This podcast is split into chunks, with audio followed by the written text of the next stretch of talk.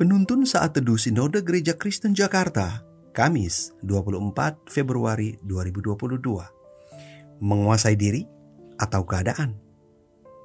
Amsal 16 ayat 32. Orang yang sabar melebihi seorang pahlawan. Orang yang menguasai dirinya melebihi orang yang merebut kota. Pernahkah saudara mendengar kisah seorang muda yang bercita-cita ingin menguasai dan mengubah dunia? Setelah bertahun-tahun ia berjuang, akhirnya ia sadar bahwa menguasai dan mengubah dunia terlalu besar baginya sebelum ia menguasai dan mengubah negaranya.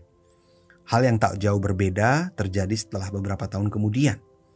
Ia merasa bahwa menguasai dan mengubah negaranya terlalu sulit dicapai sebelum ia menguasai dan mengubah kotanya. Beberapa tahun kemudian, ia kewalahan karena belum berhasil menguasai dan mengubah kotanya sendiri. Setelah ia menjadi tua, orang ini baru menyadari bahwa ia belum pernah melangkah untuk menguasai dan mengubah dirinya terlebih dahulu. Nas hari ini menjelaskan kelebihan seseorang yang mau belajar menguasai dirinya. Ia melebihi seorang yang merebut atau menguasai kota-kota. Menguasai diri sendiri adalah pekerjaan yang gampang-gampang sulit.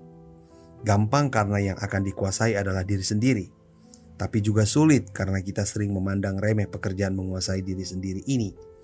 Akibatnya, sering kali kita mengalami kegagalan. Jika kita mau belajar menguasai diri sendiri, maka kita akan belajar bersabar untuk memenangkan pertempuran hidup ini. Orang yang sabar menanti pemulihan atas hidupnya akan terlatih untuk menguasai diri sendiri. Jika kita mulai bisa menguasai diri, maka kita tidak akan mudah diombang-ambingkan oleh situasi dan keadaan di sekitar kita. Mengapa? Karena keberhasilan menguasai diri akan memudahkan kita untuk mengubah diri sendiri. Mengubah diri sendiri artinya mengubah cara pandang dan cara menghadapi serta mengatasi persoalan kita. Akhirnya, kita bisa memperoleh kemenangan bersama dengan Allah. Siapakah kita yang sanggup menguasai dan mengubah keadaan di sekitar kita? Dalam banyak hal, kita hanya punya pilihan untuk menguasai dan mengubah diri sendiri. Roh Kudus selalu siap menuntun kita untuk hidup seturut firman-Nya sehingga pada akhirnya firman Tuhanlah yang menguasai dan mengubah hidup kita. Sayangnya, kita lebih tertarik menguasai dan mengubah keadaan hidup ini agar sesuai dengan apa yang kita inginkan.